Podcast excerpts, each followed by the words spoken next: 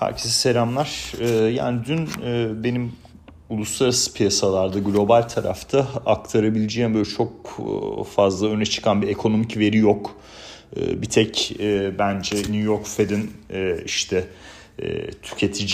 tüketicilerle gerçekleştirdiği ankette enflasyon beklentileri, tüketicilerin finansman durumları vesaire bu biraz daha önemliydi.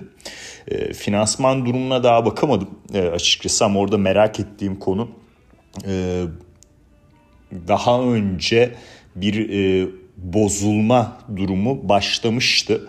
E, bunun devamı gerçekleşiyor mu ona odaklanacağım. E, enflasyon beklentilerinde de çok ciddi bir e, değişim yok. En azından piyasa risk algısını bozacak bir değişim yok.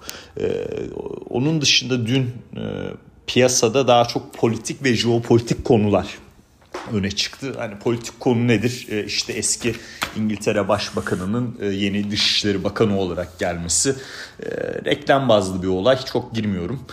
Jeopolitik gelişmelerde ama tabii Biden'ın İsrail tarafına bu hastane durumuyla ilgili olarak bir miktar daha nasıl söylemek bunu daha doğru olur ama yani e, oradaki saldırıların azaltılması ile ilgili e, bir söylemde bulunması e, Rusya'ya yeni e, yaptırımlarla ilgili olarak hem ABD tarafı hem Avrupa Birliği e, tarafının paketlerin yaptırım paketlerinin onaylanması ile ilgili haber akışları bunlar e, öne çıktı. Yani ben açıkçası e, yani fiyatlama dinamiği olarak e, şu anda e, bir miktar böyle jeopolitik tarafı geride bıraktık gibi gözüküyor. Hani hala riskler masada ama fiyatlamanın birinci tarafı oradan gelmiyor etki açısından. İyi bir bilanço sezonu geçirdik, geçiriyoruz ABD tarafında. Ve e, bunun etkisiyle e, şirketlerde, e, endekslerde iyi hisse hareketleri görüyoruz. Biraz daha böyle para politikası tarafı öne çıkıyor gibi düşünüyorum. Zaten dün herhalde en önemli nokta ya kurumlar 2024 tahminlerine tabii başladılar. Yani burada ne kadar gerçekçi bu tahminler onlar da tartışılır çünkü gerçekten e, risklerin ve belirsizliğin oldukça yüksek olduğu zamanlardan geçiyoruz. E, en azından şu e, soru önemli ama ilk faiz indirimi ne zaman olacak? Değerli bir soru bu. Burada UBS Mart ayında 2024 Mart ayında bekliyor. Goldman 2024 son çeyreğinde bekliyor. Morgan Stanley e, ikisi arasında konumlandırmış kendisini. 2024'ün Haziran ayında bekliyor. Piyasa şu anda e, Temmuz ayında ilk faiz indirimini fiyatlıyor 2024. E, bence artık zaten o higher for longer'ın higher kısmı tamamlandı. Longer tarafı daha çok sorgulanıyor piyasada. E, yani bugün e, işte en önemli veri TÜFE verisi olacak. Ekim ayı TÜFE verisi olacak ABD tarafında. Yani bu tarafta olumsuz bir sürprizle karşılaşmazsak bence yani yeni bir faiz artışı riski oldukça düşüktür. Ne kadar süre faizler bu noktalarda kalacak? Bu şu anda tartışılıyor. Ee, dediğim gibi kurumlardan farklı farklı tahminler de var. Temmuz ayı beklentisi ne kadar çok öne çekilirse yani UBS'in tahmini gibi noktaları giderse e, bu e, tabii hem uzun vadeli tahvil getirilerinin gerilemesi, tahvil fiyatlarının yükselmesi e, hem de hisse piyasası açısından önemli ve değerli bir noktadır. Bunu da iyi bir şekilde düşünmemiz lazım veriler açıklandıkça e, istihdam piyasası tabii oldukça önemli, enflasyon tarafı oldukça önemli. Bunu anlamaya çalışacağız, aktarmaya da çalışacağız. Benim beklentim yeni bir faiz artışı olmaması ve e, 2024'ün ikinci çeyreğinde e, bir e, faiz indirimi e, gerçekleşmesi. E, Mart ayı da e, birinci çeyreğin sonu UBS bakalım orada haklı çıkabilecek mi? Şimdi bu e, ABD-Çin ilişkileri e, yani biliyorsunuz e, oldukça son iki senede özellikle çok ciddi bir yıpranma noktasına gitti. 2021'den itibaren de denilebilir.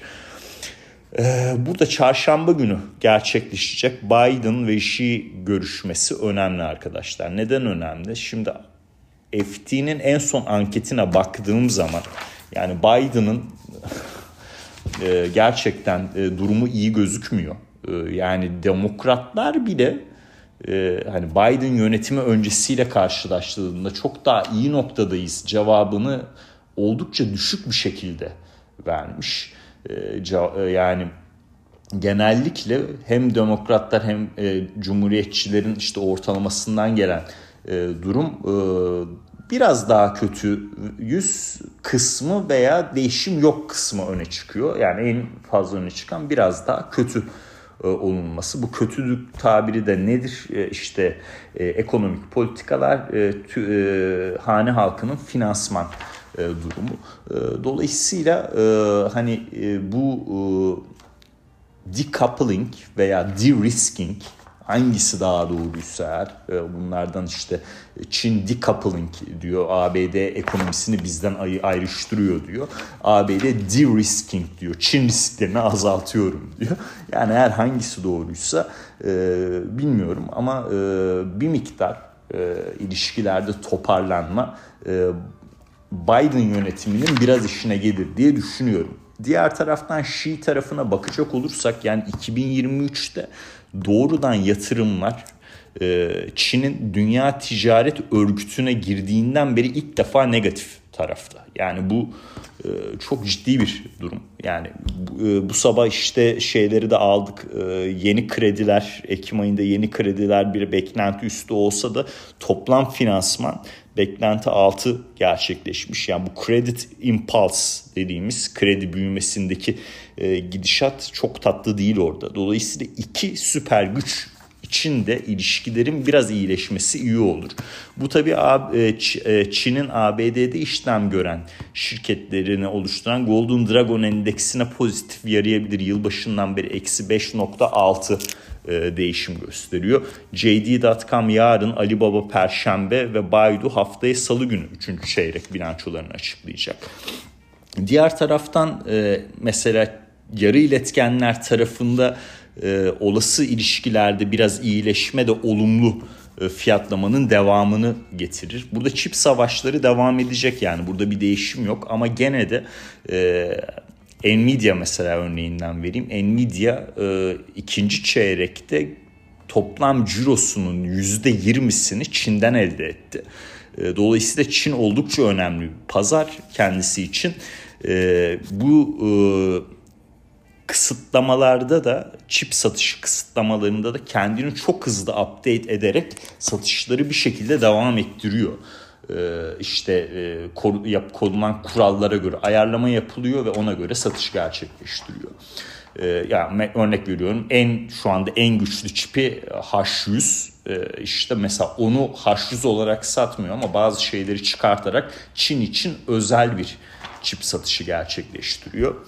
Ee, dolayısıyla eğer ilişkilerde iyileşme olursa e, Nvidia öncülüğünde çip sektöründe de gene e, olumlu e, bir gidişat beklenebilir.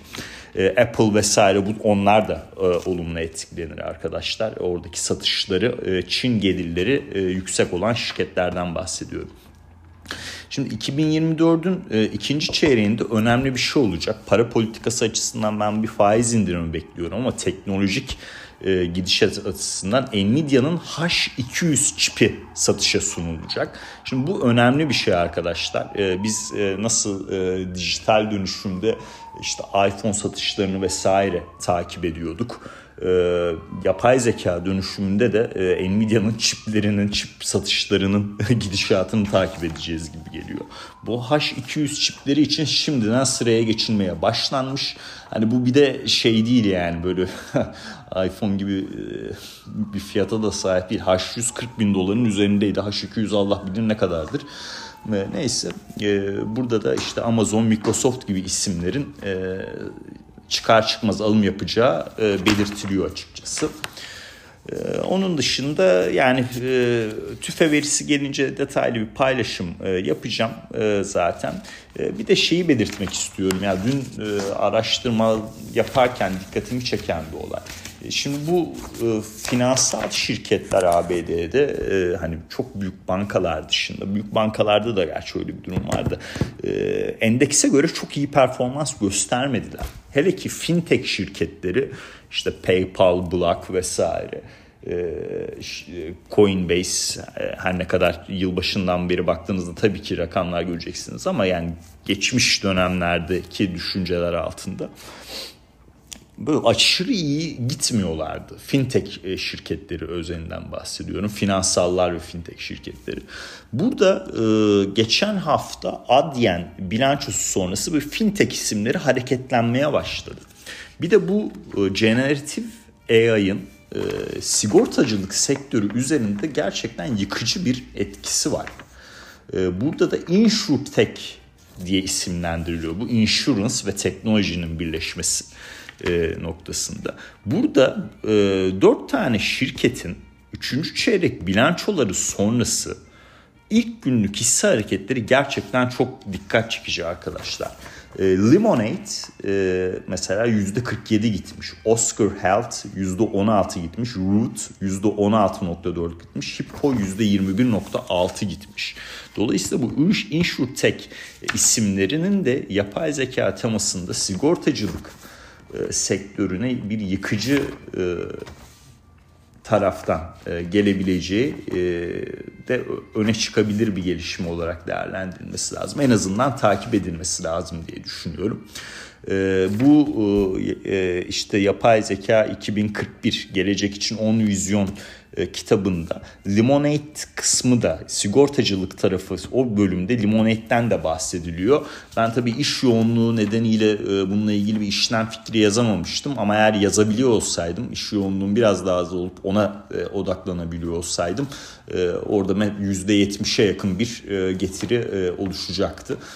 Tabii hisse grafiğine baktığınızda çok yukarılardan e, gelen bir hisse grafiği var. Ama eğer Higher for Longer'da yanılmazsam e, ve e, yapay zeka tarafındaki trendin uzun vadeli olduğundan yanılmazsam InsurTech isimlerinin de önümüzdeki yıllarda daha çok öne çıkmasını bekliyorum ya da yani insurance sektörünün teknoloji tarafında daha çok yatırım yapmasını ve yapay zekayı e, iş modellerine dahil etmesini beklerim.